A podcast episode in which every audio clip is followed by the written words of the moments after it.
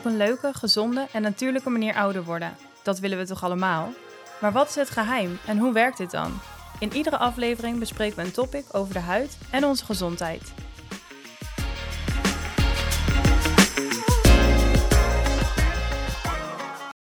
Leuk dat je weer luistert naar een nieuwe aflevering van onze podcast. Vandaag zit ik hier samen met huidtherapeut Margot. Welkom. Dankjewel, leuk uh, om er weer te zijn. Ja, fijn dat je er weer helemaal klaar voor zit. Want vandaag gaan we het hebben over alles rondom het onderwerp melasma. Een lastige indicatie die toch best wel vaak voorkomt en waar we heel veel over kunnen vertellen. Want wat is melasma nu precies? Nou, ik denk dat de meeste van jullie het misschien wel kennen onder de term zwangerschapsmasker. Want zo, ja, zo noemden we het voorheen ook vaak.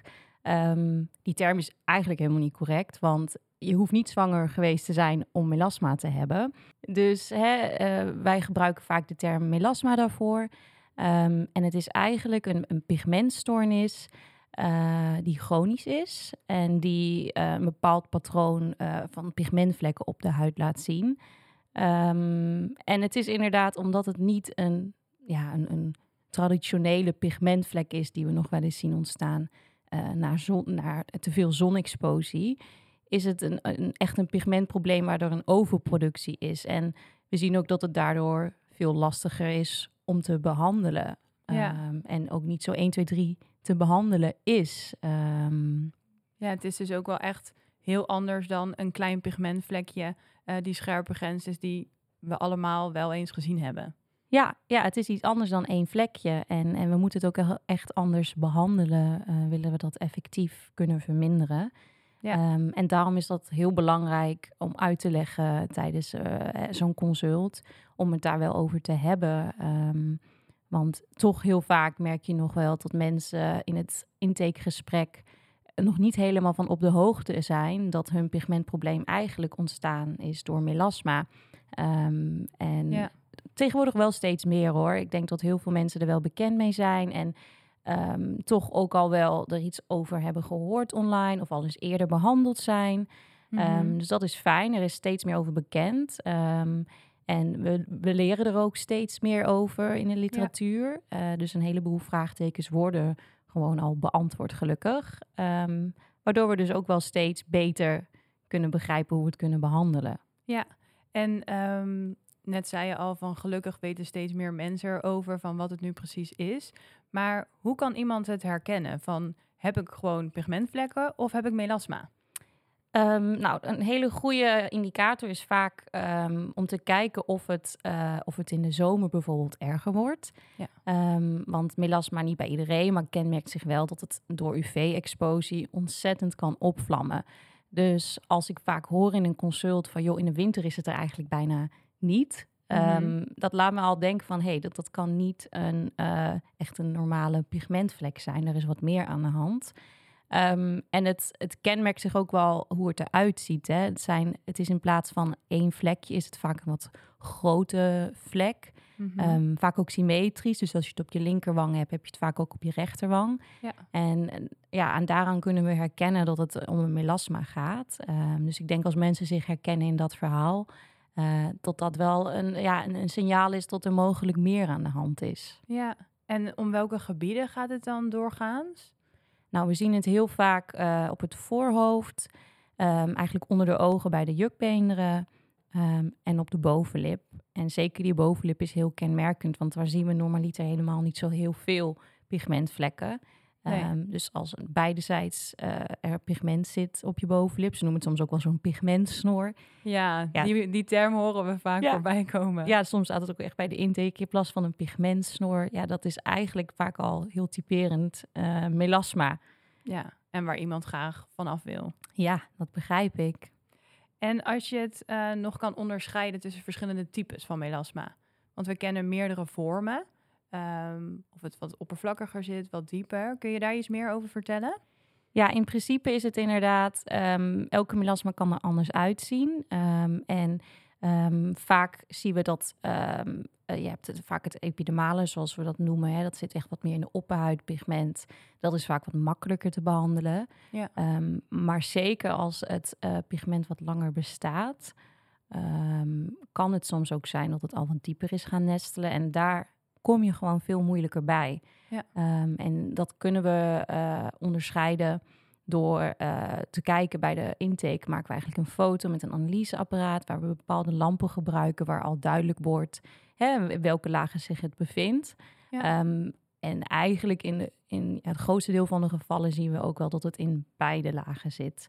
ja. Dus het is vaak wel een gemixt beeld van zowel oppervlakkig als dieper pigment eh, wat we dan behandelen. En dat maakt uiteindelijk ook het behandelplan zo lastig, hè? Ja, ja, dat maakt ook dat het gewoon in stapjes zal gaan en een geleidelijke verbetering zichtbaar is. En vaak het diepere, ja, daar komen we dan op het einde pas aan. En dat is altijd het meest hardnekkige deel van het melasma. Ja. En als we nog heel even gaan terugkijken naar eh, triggers van melasma. We hadden het al heel even kort gehad over zon. Zijn er nog andere dingen waar we op letten? Nou ja, we weten steeds ook meer over de oorzaak van melasma. Hè? Ja. Want we noemen het een zwangerschapsmasker, omdat we zagen dat het vaak in die periode ontstond. Maar eigenlijk ehm, heeft het dan vooral te maken met die hormonale wijzigingen die je lichaam doorgaat tijdens een zwangerschap. Ehm, en daarom zien we het bijvoorbeeld ook al simpelweg als iemand eh, een pil gebruikt. Ja. Hè, dus dat, dat kan ook te maken hebben met andere hormonen of eh, vaak bij een eh, te, traag werkende schildklier kan een oorzaak zijn. Maar zelfs stress hè, geeft ook een stijging in je cortisol, wat een hormoon is.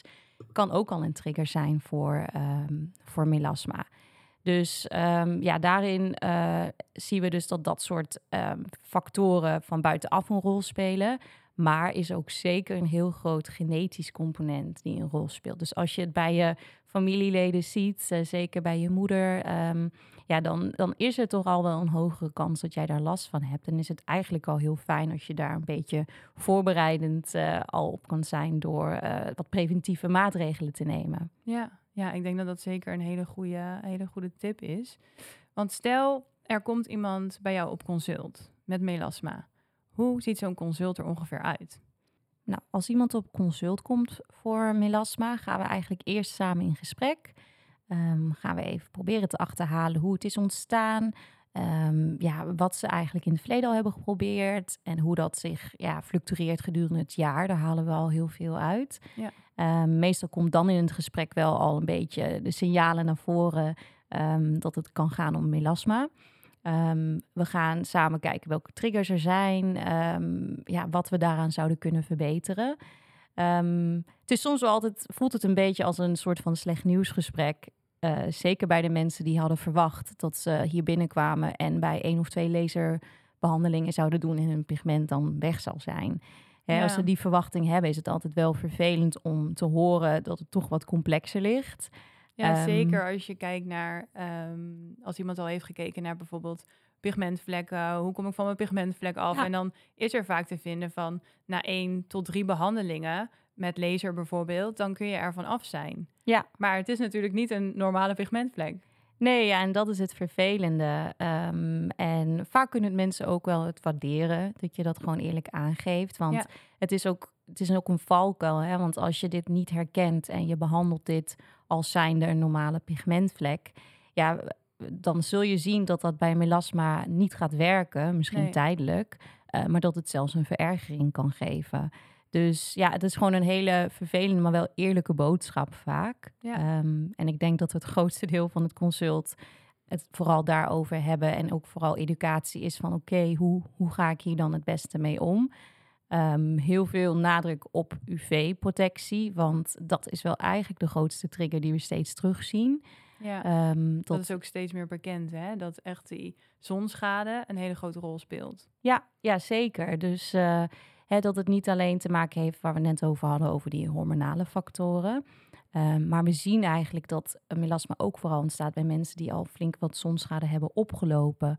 Ja. Of die heel veel onder de zonnebank vroeger zijn geweest. Ehm, eigenlijk zie je dat dat de huid ehm, zodanig heeft beschadigd tot een melasma ook sneller ontstaat. Ja. Ehm, hè, eh, hoe je het voor je moet zien is eigenlijk zo dat eh, onze huid is opgedeeld uit verschillende lagen. En het, eh, het beschermende laagje die die twee lagen van elkaar onderscheidt, het celmembraan, die is vaak heel poreus en doorlaatbaar bij Ja. mensen met melasma.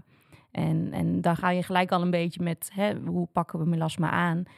Een heel belangrijk onderdeel daarvan is om wel wat te doen met die basale laag, om dat wel te kunnen versterken. Want anders zul je zien tot de behandelingen vooral een tijdelijk effect gaan laten zien. Ja, Dus de focus, eh, we leren steeds meer over melasma, begint ook meer op dat soort elementen in de huid ehm, ja, te richten. Dat je eigenlijk zorgt dat je een gezondere en weerbaardere huid hebt en je melasma daardoor minder opspeelt.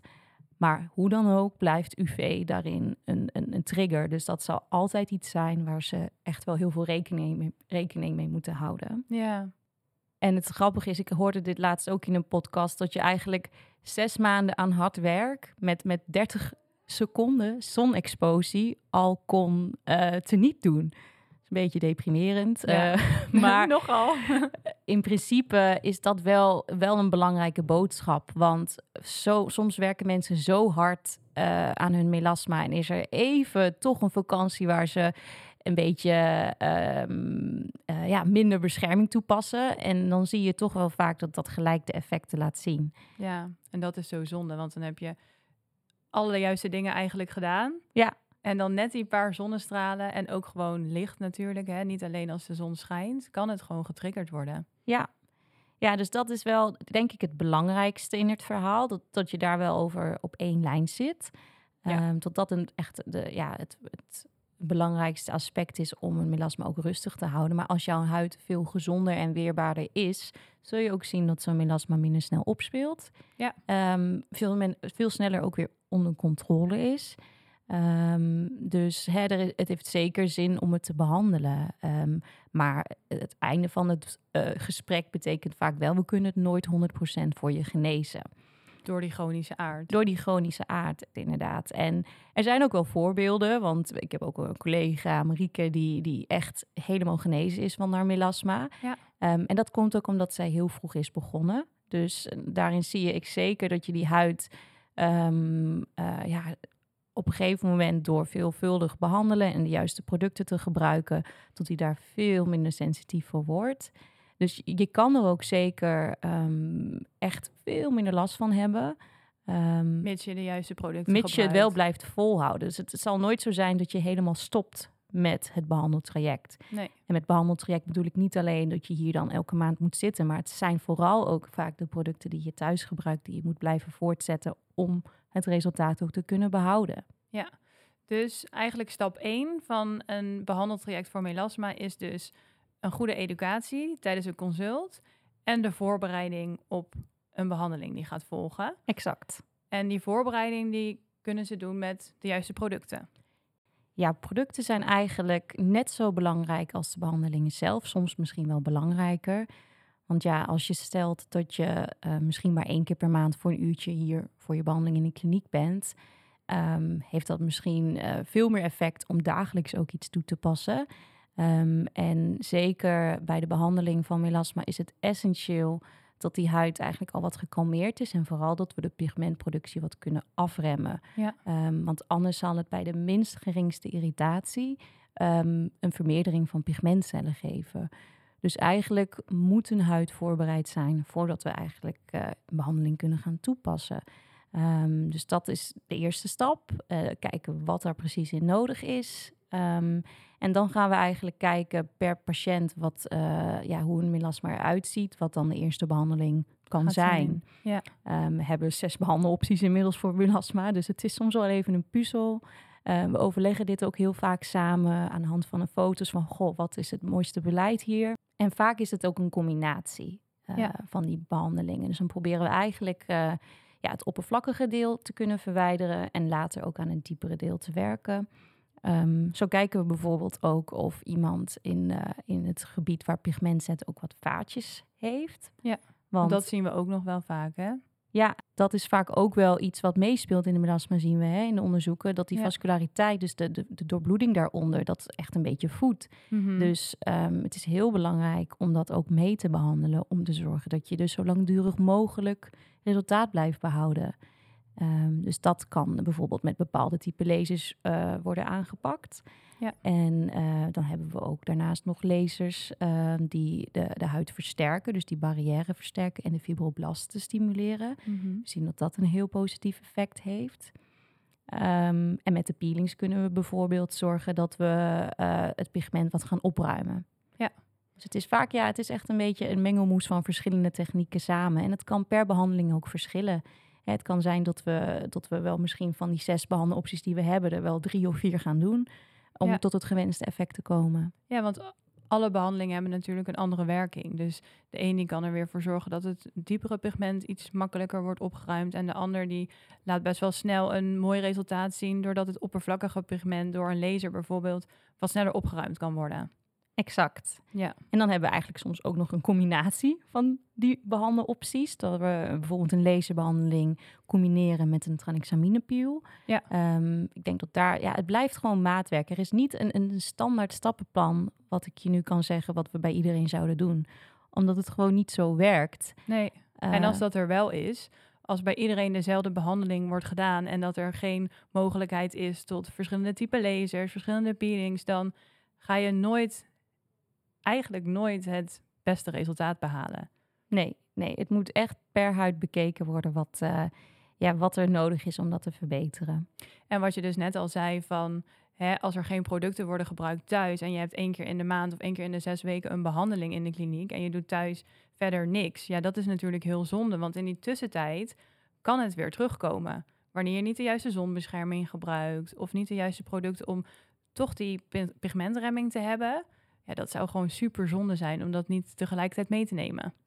Ja, dat, dat is eigenlijk de, inderdaad gewoon heel vervelend. Want dan in het begin lijkt het vaak alsof het heel mooi werkt, het lezen. Maar eigenlijk moet ik zeggen dat ik dat liever al niet meer... en eigenlijk niet eens meer graag uitvoer. Als mensen toch niet de producten thuis gebruiken. Want dat vind ik zelf heel spannend. Ja. Omdat ik heel erg bang ben dat ik het dan vererger. En ik denk dat heel veel eh, behandelaars melasma heel spannend vinden. Omdat Mhm. we natuurlijk weten dat het best wel snel kan verergeren. Hè, melasma is heel erg gevoelig voor inflammatie, ontsteking. Ehm, en sommige van onze behandelingen creëren wel een beetje inflammatie. Ja, Ehm, en daarom zijn we daar denk ik met z'n allen toch wel, vinden we dat allemaal heel spannend. Ehm, maar eh, de behandelingen die we bijvoorbeeld, hoe wij een laserbehandeling uitvoeren bij melasma, is heel anders dan hoe we dat doen op een huid zonder pigmentproblemen. hè. Dus er zijn ook wel andere protocollen voor, waar we dus rekening mee houden dat we de huid niet te veel irriteren. Ehm, en dan kan het zeker op een veilige manier worden uitgevoerd. Want ook hier in de kliniek, we houden eigenlijk alle nieuwste en laatste ontwikkelingen heel goed in de gaten. Om ja, toch zo effectief mogelijk te kunnen behandelen, maar wel op een veilige manier. Ja. Want dat is het allerbelangrijkste natuurlijk. Ja, we hebben gelukkig onze proefpersoon Raquel. Dat is Ja. onze collega die zelf melasma heeft. Die gaat voor alles wel liggen. Dus eh, die hebben we al heel vaak kunnen onderwerpen aan onze nieuwe technieken. En eh, ja. het is juist heel goed om op verschillende manieren die huid te blijven prikkelen. Dus, eh, maar ook bij Raquel hè, blijft ook af en toe haar melasma nog opspelen. Dus dat is ook wel een heel reëel beeld van hoe het eruit kan gaan zien. ja, en dat we ook met z'n allen echt duidelijk zien van het is echt niet makkelijk. Nee, Het is geen makkelijke indicatie. nee. En daarbij is juist de ondersteuning van een huidtherapeut heel belangrijk. Ja. Want ja, ik denk dat je alleen kom je hier niet uit. Nee, en zeker als je, ja, er, is, er wordt ook wel heel veel over geschreven en gesproken natuurlijk. En Gelukkig, ja. dat, dat is ook heel fijn. En, en daardoor haal, daar haal je al heel veel informatie uit. Dus ik vind dat altijd eigenlijk wel heel fijn als patiënten al zo goed zijn ingelezen. Eh, dat maakt het gesprek eigenlijk al meteen een stuk makkelijker. Ehm, maar ik kan ook wel begrijpen dat je op een gegeven moment door de boom het bos niet meer kan zien. Ja, Ehm, en dat je ook heel veel dingen door elkaar wil gaan proberen. En daar is natuurlijk ook weer de valkuil dat het de huid weer te veel kan gaan irriteren. waardoor juist meer pigment ontstaat. Ja. ja. Exact. En het is denk ik ook belangrijk om te weten, soms, er wordt ook heel veel geschreven. En ik kan me ook voorstellen dat er inderdaad ook iets is dat eh, cliënten misschien denken, ook vinden het toch wel spannend. Misschien moet ik het niet doen, dadelijk wordt het erger. Maar het is ook wel een belangrijk deel om te weten van, als je niks doet, wordt het ook erger. Want als je niet de juiste producten gebruikt om het te voorkomen, dan kan het dus donkerder worden. Ja, en ook lastiger te behandelen hoe langer het bestaat. Ja. En als we dan kijken naar bepaalde ingrediënten die eh, heel belangrijk zijn bij melasma om te gebruiken, eh, over welke ingrediënten hebben we het dan? Nou, eigenlijk proberen we in verschillende stapjes van dat pigmentproces een product in te zetten om dat te kunnen afremmen. Mhm. Ehm, en dat is ook weer afhankelijk van, van soms iemands huidtype, dus de huidskleur zelf. Is er wat eh, vaatactiviteit in het gebied? Ehm, maar vaak zijn dat toch eh, producten die het pigment remmen, Ehm, zoals bijvoorbeeld vitamine C. Ehm, we zetten bijvoorbeeld niacinamide in, heel mooi, want dat versterkt ook die huidbarrière en dat membraan. Mhm. Ehm, en werkt ontstekingsremmend. Hè? Dus daar ga je al. Die ontstekingen moeten gewoon zo mild of zo kalm mogelijk blijven. Ja. We zien tegenwoordig ook hele positieve resultaten bij tranexamine. Dat Ja. is ook wel een heel leuk ingrediënt en wat nieuwer op de markt. Ehm, En mild. en mild, heel Ja. zacht voor de huid. Ehm, en dat is eigenlijk wel grappig, want dat is iets wat we normaliter voorschrijven. Dat kan je als pil nemen. Hè? Dat schrijf je voor bij mensen met hevige bloedingen, ook wel eens bij hevige menstruaties. Mhm. En dat doet dus wat met die roodheid in de huid, Ja. zien we. En in principe, je kan dit ook slikken.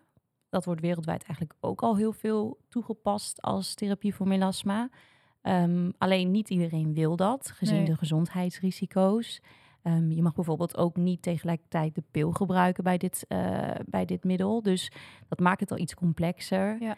Ehm, maar we zien dus nu ook in de eh, studies dat het lokaal toepassen van tranexamine, dus op de huid zelf, Mhm. Wij doen dit bijvoorbeeld ook inneedelen, dus we brengen het al iets dieper in de huid door middel van microneedling. Dat dat eigenlijk wel hele mooie effecten geeft. Ja. Ehm, en ze vergelijken het vaak met hydroginon. Ehm hydroginon, ik weet niet of jullie dat kennen, maar dat is echt een blekend middel. Ehm, was voorheen ook wel echt de nummer één keuze bij melasma. Alleen brengt dat ook best wel wat gezondheidsrisico's mee, of Ja, vooral lange termijn risico's. Ja, Ehm, en daardoor is het niet voor iedereen even geschikt. nee. En ja, je wil natuurlijk een langetermijn oplossing. Hè? Je wil iets, een product wat je kan blijven gebruiken. Dus daar zijn ze heel erg naar op zoek. Ehm, en dan komen dat soort ingrediënten, tranexaminezuur komen naar voren. Maar ook eh acetylininezuur, ehm, ja, kojic acid. Er zijn Ja. echt wel een aantal veel mildere stofjes die we tegenwoordig kunnen toepassen om een vergelijkbaar resultaat te krijgen. En die kunnen mensen dan gewoon dagelijks gebruiken in eh, hun skincare routine. Ja, zonder problemen. En die Ja. maakt de huid ook niet gevoeliger. Nee, en dat is juist precies wat we willen bij melasma. Exact. Dus die producten kunnen we bijvoorbeeld eh, in de avond, sommige mogen ook in de ochtend, maar echt om al wat eh, vermindering van het pigment te creëren thuis. Daarnaast is het ook weer heel belangrijk om ervoor te zorgen dat de melasma daarnaast ook zo rustig mogelijk blijft. Dus dat het ook niet erger wordt. Ehm, dat doen we vaak door bescherming. Waar kunnen mensen dan aan denken? Nou, eigenlijk, ehm, een SPF is ook nog best een complex verhaal. Hè? Zonnebrandcrème, welke je dan zou moeten gebruiken. Ja, zeker de laatste tijd. Ja, dus veel, er zijn heel veel vraagtekens bij. En bij melasma is het ook nog eens zo dat eh, we erachter zijn gekomen dat niet alleen UV-licht een trigger kan zijn, Mhm. maar ook normaal licht, blauw licht bijvoorbeeld, wat we uit onze schermen krijgen. Ehm, dus het liefst gebruik je een product met een breed spectrum filter die dus tegen alle typen licht beschermt. Ja. Ehm, soms hebben die ook een tintje, dat is eigenlijk heel mooi, want daardoor weren ze, eh, reflecteren ze eigenlijk al het licht van je huid af. Mhm. Ehm, en camoufleren ze direct eh, ook. Dus Wat dit- mensen ook heel fijn vinden bij melasma. ja, exact. Dat gaat toch ook die pigmentvlekjes al iets verdoezelen. Ja. Maar eh, is ook gewoon heel veilig op die manier. Ehm, en daaronder eh, het liefst ook een vitamine C-product. Ja. Ehm, want dat eh, weert ook de, de, de oxidatieve stress Ja. die we oplopen als we toch buiten zijn eh, door luchtvervuiling enzovoort. En dat zien we toch ook dat dat een rol speelt bij melasma. Dus het Mhm. beste ben je beschermd met een vitamine C en een breed spectrum filter daaroverheen. Ja, dus dan heb je echt een powerkoppel om zo goed mogelijk te beschermen. Ja. Om ervoor te zorgen dat het in ieder geval niet donkerder wordt. Exact. En na een behandeling kan de huid natuurlijk ook even wat gevoeliger zijn. Dan is het nog belangrijker om heel goed beschermd te zijn. Exact. En wat adviseren we dan vaak qua factor wat mensen het beste kunnen gebruiken? Ja, zeker factor 50. Ja, Geen Zeker twijfel in de zomer. mogelijk. Ja. en wat, wat zeggen we altijd? Gewoon het hele jaar door. ja, en in de zomer zou ik er zelfs nog een hoedje of iets aan toevoegen.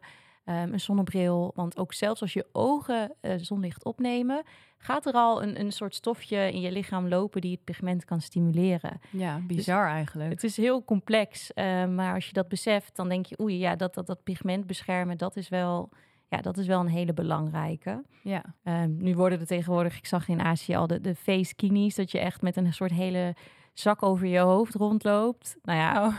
het liefst wil ik dat al mijn melasma-patiënten dat doen. Ja. Maar ik snap ook wel dat dat eh, voor het sommigen leven te moet ver ook nog een beetje leuk blijven. maar dus een vitamine C serum als eh, eerste op een schone huid in de ochtend. Daaroverheen een, ehm, een, hoge zonnebes- een hoge zonbescherming. Een hoedje, petje. Eigenlijk om in ieder geval zoveel mogelijk te beschermen om het zo rustig mogelijk te houden. Dat, Dat is eigenlijk wel, het beste preventieplan. Oké, en eh, dit is ook wel iets wat we tegenwoordig steeds meer horen. Wij doen het eigenlijk al, al jaren op een milde manier. Melasma behandelen in de zomer. Kan dat? Ja, in principe kan dit gewoon. Eh, Maar wederom zijn we daarin heel voorzichtig, want we willen absoluut niet de huid irriteren als die daarna eventueel nog veel zonexposie gaat zien. Ja, Ehm, maar daarnaast is dit ook wel het seizoen waar je iets moet gaan doen. Want dan heb je eigenlijk het meest te maken met, de- met, die, met die triggers. En wil je ook iets doen om het pigment te stabiliseren, ja. en Dus- te onderdrukken. te onderdrukken, zeker. En dat is, eh, daarom hebben we wel bepaalde protocollen die we veilig in de zomer kunnen uitvoeren. Om te zorgen dat hun melasma niet zo opvlamt in de zomer. Ja. Ehm, kijk, we kunnen niet heel hard en intensief werken aan het verwijderen van het pigment wat er dan zit. Maar we kunnen het wel ehm, reduceren en, en stabiel houden. Ja, En dat is ook wel een heel belangrijk doel. Want als je het maar loslaat voor de hele zomer en daarna elkaar weer ziet in, in oktober, ja, dan is er weer zoveel werk aan de winkel eigenlijk. En dat is hartstikke zonde. ja. Dan misschien niet... Misschien praten we niet over opnieuw beginnen, maar dan zijn er toch wel meer behandelingen nodig dan wanneer je het op een juiste en milde manier bijhoudt gedurende de zomermaanden. Ja, je staat gewoon weer 1-0 achter. Dus dat is eigenlijk heel erg zonde. Dus we proberen wel even in. We hebben ook in producten echt een zomerprotocol en een winterprotocol. Dus daar passen wat producten aan. Maar die kunnen wel in de, eh, in de zomer nog steeds voor behandelingen hier komen. En ik denk dat dat ook wel heel belangrijk is. Ja, en misschien ook wel eh, wat belangrijk is dat wanneer iemand langere tijd niet is geweest en eh, altijd dezelfde producten heeft gebruikt en die gaat misschien richting de zomer of juist van de zomer naar de winter, om toch ook weer even een contactmoment te hebben van zijn de producten nog steeds goed? Moet ik misschien iets veranderen? Ehm, om dat samen met je huidtherapeut ook te overleggen. Ja, ja vaak maken we eh, dan toch weer een afspraak voor een nieuw consult. Waarbij we opnieuw foto's gaan maken. Gewoon eens gaan analyseren van, goh, hoe staan we ervoor? Wat, eh, hè, wat zien we nog qua pigment? Wat willen Ja. we nog verbeteren? En aan de hand daarvan dat we een nieuw behandelplan opstellen. En vaak is dat inderdaad na de zomer weer. Want we hebben dan een plannetje gemaakt van, oké, hoe gaan we dit doen in de zomer? Eh, hoe gaan we dit een beetje afremmen? En dan Ja. na de zomer kijken van, goh, wat, wat is nu het plan? Dus het, het behandelplan gaat ook verschillen en, en we houden gewoon daarin contact ehm, samen met de patiënt om te kijken van wat is op dit moment hetgeen wat jouw huid nog nodig heeft. Ja, dus evalueren is ook heel belangrijk. Zeker, zeker. En ook de huid op verschillende manieren prikkelen merken we ook. Hè, die, die, juist die wisselwerking van verschillende technieken te combineren, eh, dat dat ook heel positief uitpakt. Ja, zeker. Ehm, zijn er misschien nog andere dingen waar je het over wil hebben? Of kunnen we al overgaan naar de gouden tip voor de luisteraars? Nou, ik heb nog wel een leuke tip. Ehm, en dat gaat over iets wat ik onlangs voorbij hoorde komen. ehm, wat in recente studies ook wordt gezien bij melasma. En dat is namelijk dat er ook een verhoogde activiteit van mestcellen is. En mestcellen is iets wat we normaliter, die spelen een rol bij allergieën. Hè? Dat zien we normaliter bij allergieën. Ja. Maar ook die ehm, kunnen hun melasma stimuleren. Ehm, en eh, er wordt dus gekeken door simpelweg ja, anti-allergie-tabletjes te gebruiken. Ehm, er wordt er gekeken of dat de, het melasma positief beïnvloedt. Ja, En dat geeft al echt al hele mooie positieve effecten. Ehm, bijvoorbeeld tranexaminezuur remt ook die mestcellen af. Dus Ja. dat laat nog wel eens zien dat dat, waarom het zo'n krachtig effect kan hebben op, eh, op melasma. Maar het is dus ook heel interessant eh, om te bekijken of je dat eventueel nog zou kunnen toepassen. Die, hè, die anti-allergietabletjes. Zeker wel in overleg met je arts, hè, gezien Ja. andere medicatie. Ehm, maar ja, dat, dat geeft toch ook wel weer wat hoop. Ja, dat er echt nog wel nieuwe ontwikkelingen zijn om uiteindelijk zo goed mogelijk die melasma onder controle te krijgen en te verminderen. Want dat is uiteindelijk wat we willen. Ja. Zeker een mooie tip, denk ik. En wat je al zei, van eigenlijk bij alles, gelukkig is er heel veel over te lezen, uh, wat het is en hoe je het kan verminderen. Maar ik denk dat het ook zo belangrijk is om alles in overleg te doen met een specialist. Ja, om samen gewoon te kijken naar het beste behandelplan en te blijven evalueren ook vooral. Uh, om te kijken wat je kan bereiken. Ja, ja.